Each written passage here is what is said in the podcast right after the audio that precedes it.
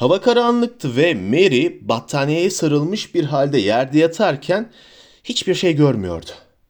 Yine de gece havasız ve rüzgarsız olsa bile etrafındaki bütün ağaçlar yavaş yavaş ah etmekteydi.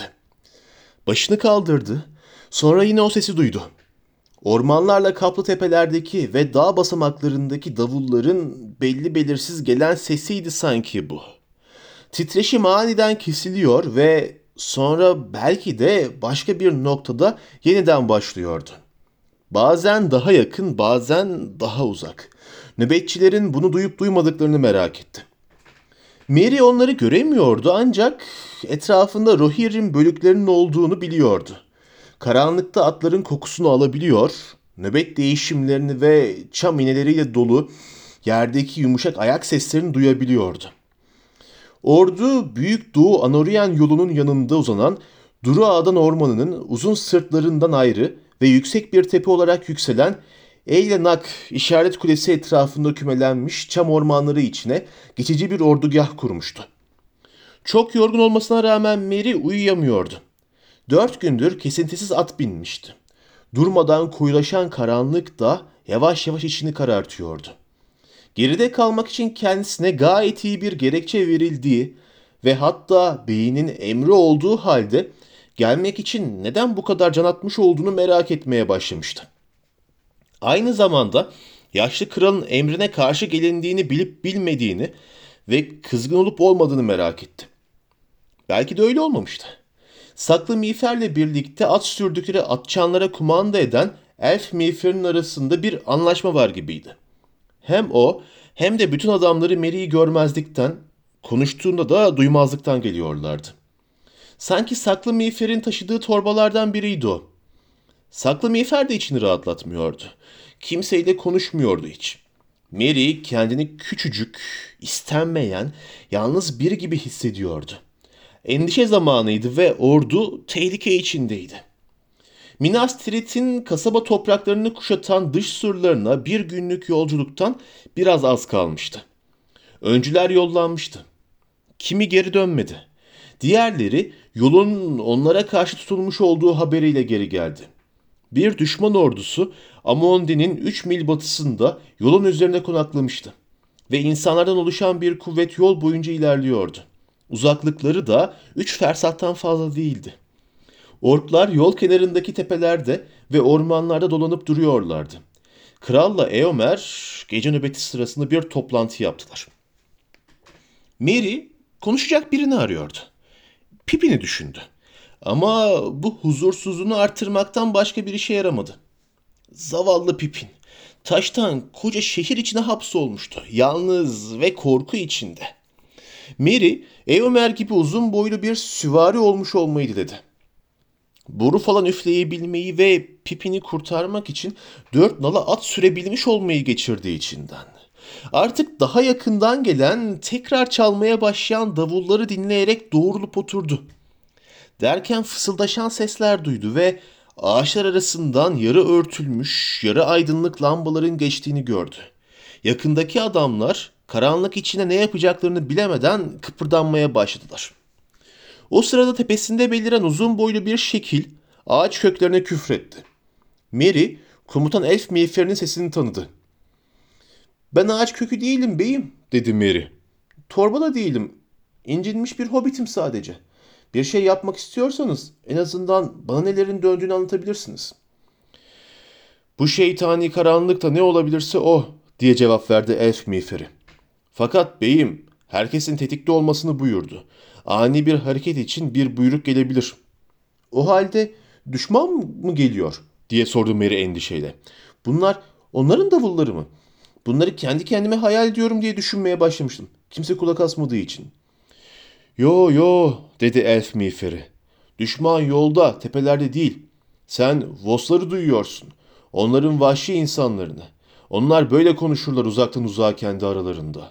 Hala Durağa'dan ormanı dolaştıkları söylenir. Az sayıdadırlar ve gizlenerek yaşarlar. Hayvanlar gibi yabani ve ürkek. Geçmiş bir zamanın kalıntılarıdır onlar. Ne Gondor'la ne de yurtla savaşa gitmezler. Fakat şimdi karanlığın ve orkların gelişiyle tedirgin olmuşlar. Karanlık yılların geri gelmesinden korkuyorlar. Görünüşe göre de bu hiç uzak bir olasılık değil. Bizi avlamadıklarına şükredelim. Çünkü zehirli oklar kullandıkları söylenir. Ve eşi benzeri bulunmayan birer tahta ustasıdırlar. Theoden'e hizmet etmeyi önermişler.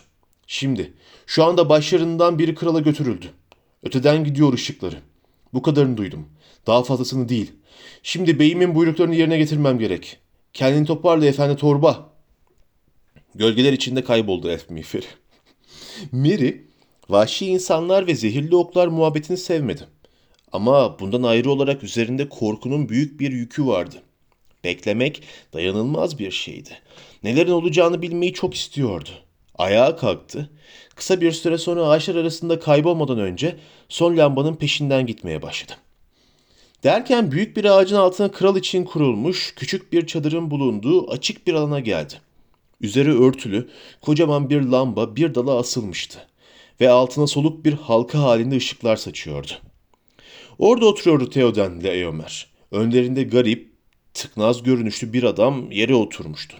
Tıpkı yaşlı bir taş gibi yamru yumruydu ve seyrek sakalı topak çenesinden kurumuş yosunlar gibi sarkıyordu. Kısa bacaklı, kalın kollu, tıknaz biriydi ve üzerinde sadece beline dolanmış otlar vardı.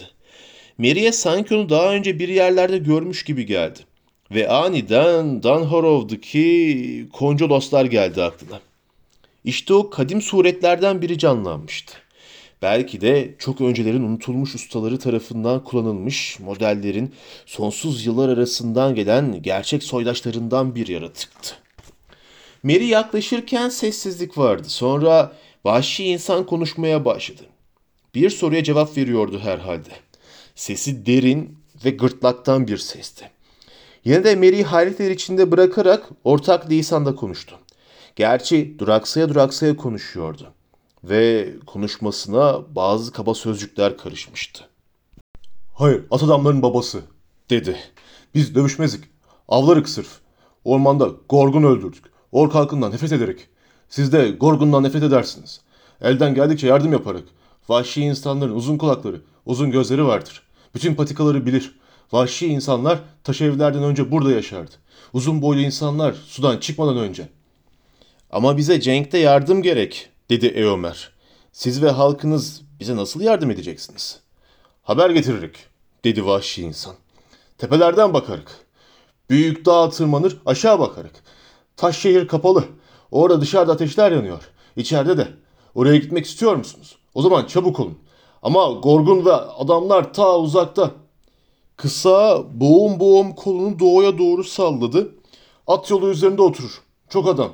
At adamlardan çok. Bunu nereden biliyorsun? dedi Eomer. Yaşlı adamın ablak yüzü ve kara gözleri bir şey belli etmedi ama sesi memnuniyetsizlikle huzur, huysuzlaşmıştı. Vahşi insanlar, vahşi. Hür ama çocuk değil diye cevap verdi. Ben Büyük Başkan Gan Burigan. Çok şey sayarım. Gökteki yıldızlar, ağaçlardaki yapraklar, karanlıkta insanlar. 20 kere 20, 15 kere sayacak adamınız var. Onların daha çok var. Büyük dövüş kim kazanacak? Sonra çok daha fazlası da taş evlerin surları etrafında yürüyor. Heyhat, çok akıllıca konuşuyor, dedi Theoden. Sonra bizim izcilerimiz de yol üzerinde hendekler kazıp kazıklar koyduklarını söyledi. Onları ani bir saldırıyla süpürüp atamayız. Ama yine de çok acele etmemiz gerekiyor, dedi Eomer. Mundburg yanıyor. Bırak Gamburigan sözünü bitirsin, dedi vahşi insan. Birden fazla yol biliyor. Sizi hiç çukur olmayan yollardan götürecek. Hiç gorgun yürümez orada. Sırf vahşi insanlar ve hayvanlar. Yolların çoğu taş hev halkı daha güçlüyken yapılmış. Avcıların hayvan eti kestikleri gibi keserlerdi dağları. Vahşi insanlar onların taş yediklerini düşünür. Koca yük arabalarıyla Durağadan'dan Rimmon'a giderlerdi. Artık gitmiyorlar. Unutuldu yol. Ama vahşi insanlar unutmadı. Tepenin üzerinden ve gerisinden gider hala. Otların ve ağaçların altından. Orada Rimmon gerisinde ve aşağı edine sonra yeniden at adamların yola döner. Vahşi insanlar size o yolu gösterecek. Sonra siz Gorgun'u öldürüp parlak demirle kötü karanlığı süreceksiniz. Ve vahşi insanlar yine vahşi ormanlarda uyuyacak. Eomer'le kral kendi dillerinde konuştular. Sonunda Theoden vahşi insana döndü. Önerinizi kabul edeceğiz dedi. Çünkü bir ordu düşmanı geride bırakırsak ne fark eder? Eğer taş şehir düşecek olursa bizim de dönüşümüz olmaz. Eğer şehir kurtulursa o zaman ork ordularının kendinden yolu kesilmiş olacak. Eğer sadık biriysen Gan Burigan o zaman sana zengin armağanlar veririz. Ve sonsuza kadar yurdun dostluğunu kazanırsın. Ölü adamlar yaşayanların dostu olamaz ve onlara armağan veremez, dedi vahşi insan. Ama eğer karanlıktan sonra yaşarsan vahşi insanları ormanlarda rahat bırak ve bir daha onları hayvan gibi avlama. Gan Burigan seni tuzağa çekmeyecek.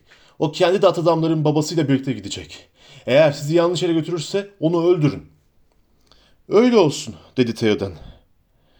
Düşmanı aşıp yola dönmemiz ne kadar zaman alır diye sordu Eomer. Yayan gitmemiz gerekecek eğer bize siz öncülük edecekseniz. Sonra yolun dar olduğundan da kuşkum yok. Vahşi insanlar hızlı gider yayan dedi Gan. Yol oradaki Taşar, Taşaraba Vadisi'nden dört adım gideceği kadar geniş. Vahşi insanlar buradan dine şafaktan akşama kadar yürür. O halde öncülere en az yedi saat vermeliyiz dedi Eomer. Fakat herkes için bir on saate hesaba katmak gerekir. Gözden kaçan şeyler bizi oyalayabilir. Ordumuzun hepsi yola dizilirse tepelerden çıktığımızda onları yeniden düzene sokmak çok vakit alabilir. Şimdi saat kaç? Kim bilir dedi Theoden. Her yer gece şimdi. Her yer karanlık ama her yer gece değil daha dedi Gan. Güneş çıktığında onu hissederiz. Gizli olduğunda bile daha şimdiden doğu dağlarından tırmanıyor. Gök tarlalarında günün açılış vakti. O zaman en kısa zamanda yola çıkmalıyız dedi Eomer. Öyle olsa bile Gondor'un yardımına bugün yetişmeyi ümit edemeyiz. Merry daha fazla dinlemeyi gereksiz bulup harekat için hazırlanmaya gitti. Bu çatışmadan önceki son safhaydı. Ona çatışmadan pek fazla insan kurtulabilecek gibi gelmiyordu. Fakat Pippin'i ve Minas Tirith'teki alevleri düşününce kendi korkusunu bastırdı. O gün her şey yolunda gitti. Onları pusuya düşürecek düşmanın ne sesini ne de soluğunu duydular. Vahşi insanların dikkatli avcılar, avcılarından bir bölük düşmana karşı siper vazifesi görmüştü. Böylece ne orklar ne de dolaşan düşmanlar tepelerdeki harekattan haberdar olacaklardı. Onlar kuşatılmış şehre yaklaştıkça ışık gitgide daha da loşlaştı. Süvariler uzun sıralar halinde insanların ve atların kara gölgeleri misali geçip gittiler. Her bölük bir vahşi orman adamı tarafından yönlendiriliyordu. Fakat yaşlı Gan kralın yanında yürüyordu. Harekete geçişleri umduklarından daha yavaş olmuştu. Çünkü bir yandan yürüyüp bir yandan atlarını çeken süvarilerin konakladıkları yerin gerisinde ve gizli taş araba vadisine inerken sık ağaçlı yollar, sırtlarda yollarını bulması zaman aldı. Öncüler Amondi'nin doğu yakasının ardında uzanan ve dizi dizi tepeler arasında Nardol'dan Dine, doğudan batıya uzanan büyük bir boşluğu örten geniş gri çalılıklara vardıklarında gün akşama kavuşuyordu. Çok önceleri bu boşluktan çoktan unutulmuş olan araba yolu geçiyordu ve tekrar şehirden çıkıp Anoryen'den geçen ana at yoluna bağlanıyordu. Fakat artık birçok insan nesli boyunca ağaçlar burada diledikleri gibi büyümüşler ve yol sayısız yılların yaprakları altında ufalanmış, gömülüp yok olmuştu. Yine de çalılıklar süvarilere açık çatışmaya girmeden önce son bir gizlenme ümidi veriyorlardı. Çünkü bunların doğusunda ve güneyinde kıvrım kıvrım tepelerin bir araya gelip kale burçları gibi üst üste tırmanarak Mindoluin sırtlarının koca kütlelerini oluşturdukları çıplak ve kayalık tepeler vardı. Ötelerinde ise Anduin yolu ve ovaları uzanıyordu. Ön bölük durmuştu. Diğerleri de Taşaraba Vadisi uçurumundan dizi dizi çıkarak etrafa yayıldılar. Ve gri ağaçlar altındaki kamp yerlerine geçtiler. Kral komutanları toplantıya çağırdı. Eomer yolu kolaçan etsinler diye izciler yolladı. Ama yaşlı Gan başını salladı. At adam yollamanın faydası yok dedi. Vahşi insanlar kötü havada görülebilecek her şeyi gördü zaten. Biraz sonra gelip bana burada anlatacaklar. Komutanlar geldi. Sonra ağaçlar arasından yaşlı Gana, Mary'nin onları birbirinden ayıramayacağı kadar çok benzeyen koncoloz biçimli adamlar dikkatle çıktı. Garip, gırtlaktan gelen bir lisanla Gan'a bir şeyler söylediler. Gan hemen krala döndü. Vahşi insanlar çok şey söylüyor dedi. Önce dikkatli olun. Haladinin gerisinde kampta çok adam var. Buradan bir saatlik yolda. Kolunu batıya kara işaret kulesine doğru salladı. Fakat taş halkın yeni surları ve burası arasında görünürde bir şey yok. Surlarda çok faaliyet var. Surlar ayakta değil artık. Surları gorgun yer gürültüsüyle ve kara demirden sopalarla yıkmış. Dikkatli değillermiş. Etraflarına bakmıyorlarmış. Arkadaşları bütün yolları koruyor sanıyorlarmış. Sonra Gan garip, gargara yapar gibi bir ses çıkardı. Sanki gülüyor gibiydi. Güzel haberler diye haykırdı Ömer. Bu karanlıkta bile ümit yeniden pırıldıyor. Düşmanımızın tertipleri onun elinde olmadan bizim işimize yarıyor. Bu lanet olası karanlık bile bizim için bir örtü oldu. Ve şimdi de Gondor'u harap etme ve taş taş üstünde bırakmama arzusu içindeki orklar benim en büyük korkumu da ortadan kaldırmış oldular. Dış surlar uzun süre bize karşı dayanabilirdi. Şimdi ezip geçebileceğiz. Eğer o kadar ileriye gidebilirsek. Bir kez daha sana teşekkür ederim ormanın Gan Burigan'ı, dedi Theoden. Hem getirdiğin haberler hem de ettiğin kılavuzluk için bahtın hep açık olsun. Öldürün Gorgun'u, öldürün or ork halkını. Başka hiçbir söz vahşi insanları mutlu edemez, diye cevap verdi Gan. Kötü havayı ve karanlığı parlak demirle kovun gitsin. Bunları yapabilmek için sürdük atlarımızı bunca Irak yolda, dedi kral. Kalkıştığımız şey bu. Fakat neler başarabileceğimizi sadece yarın gösterecek bize. Gamburigan yere çömelip diken diken kaşlarını toprağa değdirdi. Veda ettiğinin bir göstergesi olarak. Sonra ayrılmak istercesine ayağa kalktı. Fakat aniden değişik bir havayı koklayan bir orman hayvanıymış gibi şaşaladı. Gözlerine bir ışık geldi. Rüzgar değişiyor diye bağırdı. Ve bununla birlikte sanki göz açıp kapayıncaya kadar hem o hem de arkadaşları bir daha Rohan süvarileri tarafından görülmemek üzere karanlık içinde kayboldular. Çok geçmeden uzakta doğu tarafına davullar yeniden uzaktan uzağa gümbürdedi. Yine de ordunun içinde kimsenin gönlüne garip ve sevimsiz görünüşlü olsalar da vahşi insanların onlara ihanet edecekleri korkusu düşmedi. Artık kılavuza ihtiyacımız yok dedi elf miğferi. Çünkü ordunun içinde barış günlerinde Mundburg'a at sürmüş olanlar var. Ben bunlardan biriyim. Yola vardığımızda yol güneye doğru yön değiştirip kasaba topraklarının surlarına varmadan yedi fersah daha önümüzde uzanacak. O yolun büyük bir bölümünde yolun her iki tarafında da bol bol çimenlik vardır. Gondor'un ulakları en büyük hızlarını bu uzantıda yapmaya hesaplarlar. Bu mesafeyi büyük bir gürültü koparmadan çabucak aşabiliriz.'' O halde madem kötü olaylar bekliyoruz ve bütün gücümüze ihtiyacımız var, dedi Eomer. Şimdi dinlenip buradan gece ayrılmamızı, böylece gidişimizi yarın hava aydınlanacağı kadar aydınlandığında ya da beyimiz bir şey bize işaret ettiğinde varacak şekilde ayarlamamızı öneririm. Kral buna rıza gösterdi ve komutanlar ayrıldı. Fakat kısa bir süre sonra elf miğferi geri döndü. İzciler gri ormanın gerisinde rapor edecek bir şey bulamamışlar beyim, dedi.'' İki adamdan gayri. İki ölü adam ve iki ölü at. Ee dedi Eomer. Ne olmuş? Şu beyim. Bunlar Gondor'un ulaklarıymış. Biri Hirgon olabilir. En azından elinde hala kızıl ok varmış ama kafası kesilmiş. Ve bir şey daha var. İşaretlere göre öldürüldüklerinde batı yöne doğru kaçıyorlarmış. Okuyabildiğim kadarıyla düşmanı daha o zaman dış surda bulmuşlar ya da geri döndüklerinde surlara saldırırken. Bu da iki gece, gece önce anlamına gelir. Eğer adetleri olduğu üzere askeri menzillerdeki atları kullanmışlarsa şehre varıp geri dönmüş olamazlar.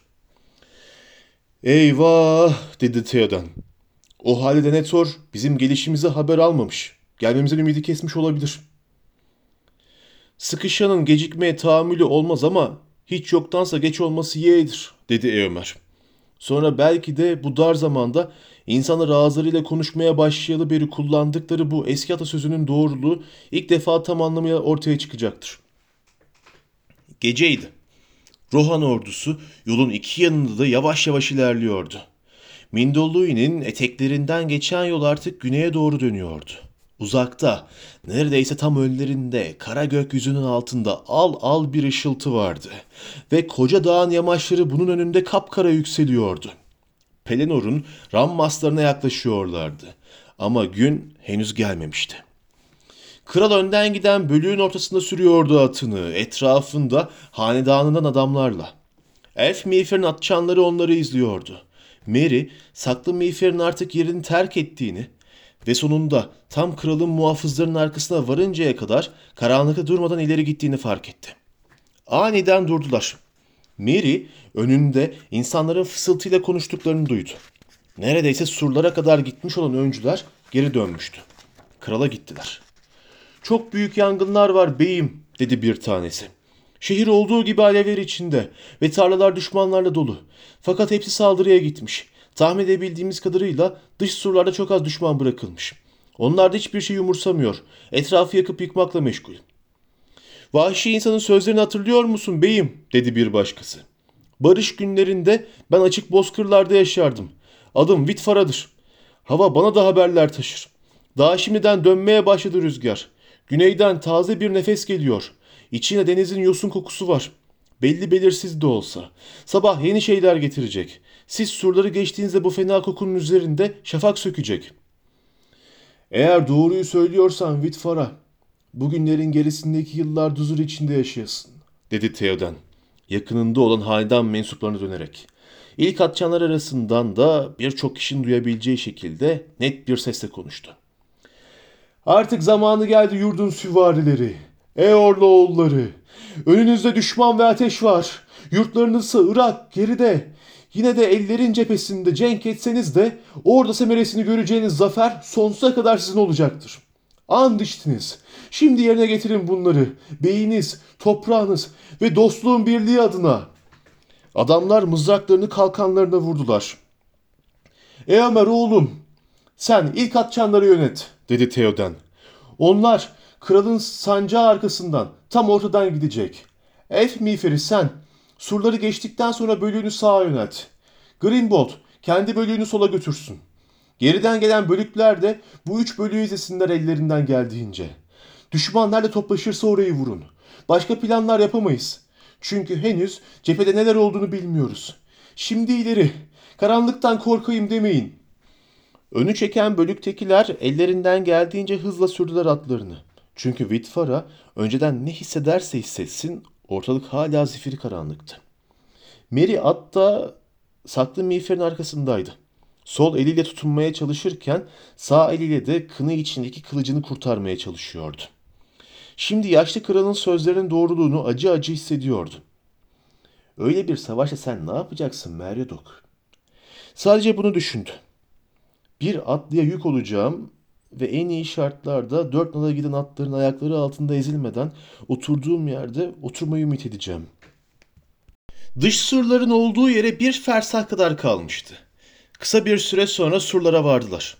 Mary için çok kısa bir süre olmuştu bu. Vahşi çığlıklar koptu. Silahların şıngırtısı duyuldu ama çok kısa sürdü. Surlarda eğleşen orklar hem azdı hem de şaşırmışlardı. Çabucak öldürüldüler veya savuşturuldular.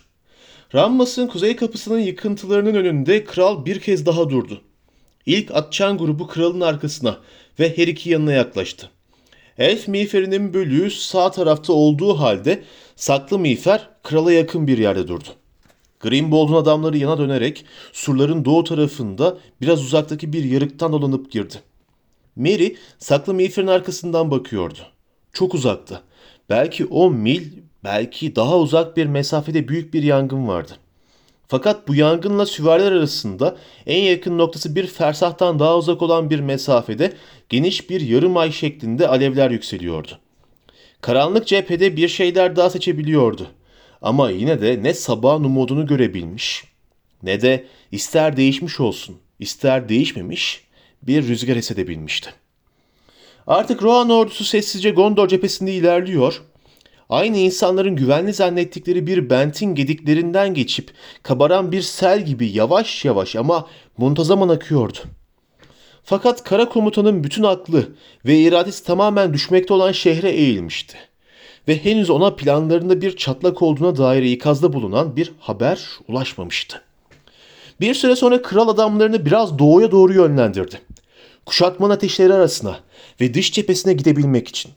Hala onlara meydan okuyan olmamıştı ve hala Theoden bir işaret vermemişti. Sonunda bir kez daha durdu. Şehir artık daha da yakındaydı. Havada bir yanık kokusu ve ölümün ağır gölgesi vardı. Atlar huzursuzlandı. Fakat kral karyede üzerine oturmuş, hareketsiz, Minas Tirith'in can çekişmesini seyrediyordu.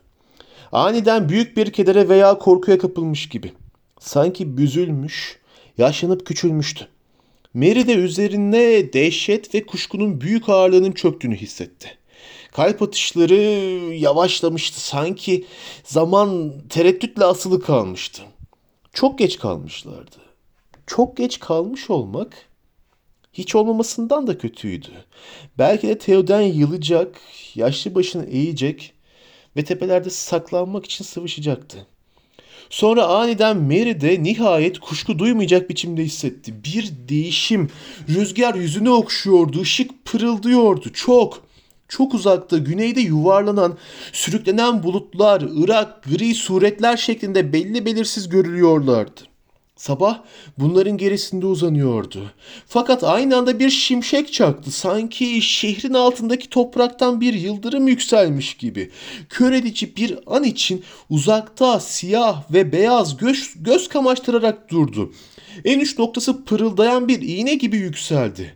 Sonra karanlık yeniden kapanırken tarlaların üzerinden koca bir bum sesi koptu. Bu sesle kralın bükülmüş sureti aniden doğruldu yeniden uzun boylu ve mağrur görünüyordu. Üzengileri üzerine doğrularak yüksek bir sesle bağırdı. Orada bulunanların ölümlü bir adamdan daha önce duymadıkları bir berraklıkta. Uyanın! Uyanın Theoden'in süvarileri! Kötülükler kapımızda! Ateş ve katliam! Mızrak savrulacak! Kalkan parçalanacak! Kılıç günü geldi. Kızıl gün geldi daha güneş doğmadan. Sürün atlarınızı, sürün. Haydi Gondor'a. Bu sözlerle birlikte sancakları Guthalf'tan büyük bir boru aldı. Ve ona böyle büyük bir güçle üfledi ki boru parçalara ayrıldı. Ve derhal oradaki bütün borular birlikte kaldırılıp şakıdılar. O anda Rohan'ın boruların üflenmesi ovada bir fırtına, dağlarda bir gök gürültüsü gibiydi. Sürün atlarınızı sürün. Haydi Gondor'a. Kral aniden Karyalı'ya seslendi ve at ok gibi ileri fırladı. Arkasından sancağı yani Yeşilova'daki beyaz atlı bayrak havada dalgalandı. Fakat kral onu geride bıraktı. Arkasından hanedanının süvarileri şimşek gibi çaktı. Ama kral hep onlardan çok ilerideydi. Eomer önden gidiyordu. Miğferindeki beyaz at kuyruğu hızından uçuşuyordu. Atçanların öndeki ilk bölümü sahilde patlayan köpük köpük dalga gibi kükredi. Ama Teoden'e yetişemiyorlardı. Delirmiş gibiydi adeta. Ya da babalarının cenk çılgınlığı damarlarında akmaya başlamıştı. Karyele'nin üzerinde eskilerin tanrıları gibi duruyordu. Tıpkı dünya daha gençken olan Valar Savaşı'ndaki muhteşem Orome gibi. Altın kalkanı ortaya çıkmıştı. Ve o da nesi? Güneşin sureti gibi parlıyor, çimenler Küheylan'ın ak ayaklarının yeşil alevler oluşturuyorlardı ayaklarında. Çünkü sabah ermişti. Denizden gelen yel ve sabah erişmişti. Karanlık geri çekilmişti. Mordor'un orduları ağlaşıyordu. Dehşet sarmıştı her yanlarını. Kaçtılar ve öldüler. Hiddet'in nalları üzerinden geçti. Sonra bütün Rohan ordusu bir şarkıya başladı. Bir yandan biçtiler, bir yandan şarkı söylediler. Çünkü Ceng'in keyfini çıkartıyorlardı. Zarif ve korkunç olan şarkılarının sesi şehre bile varmıştı.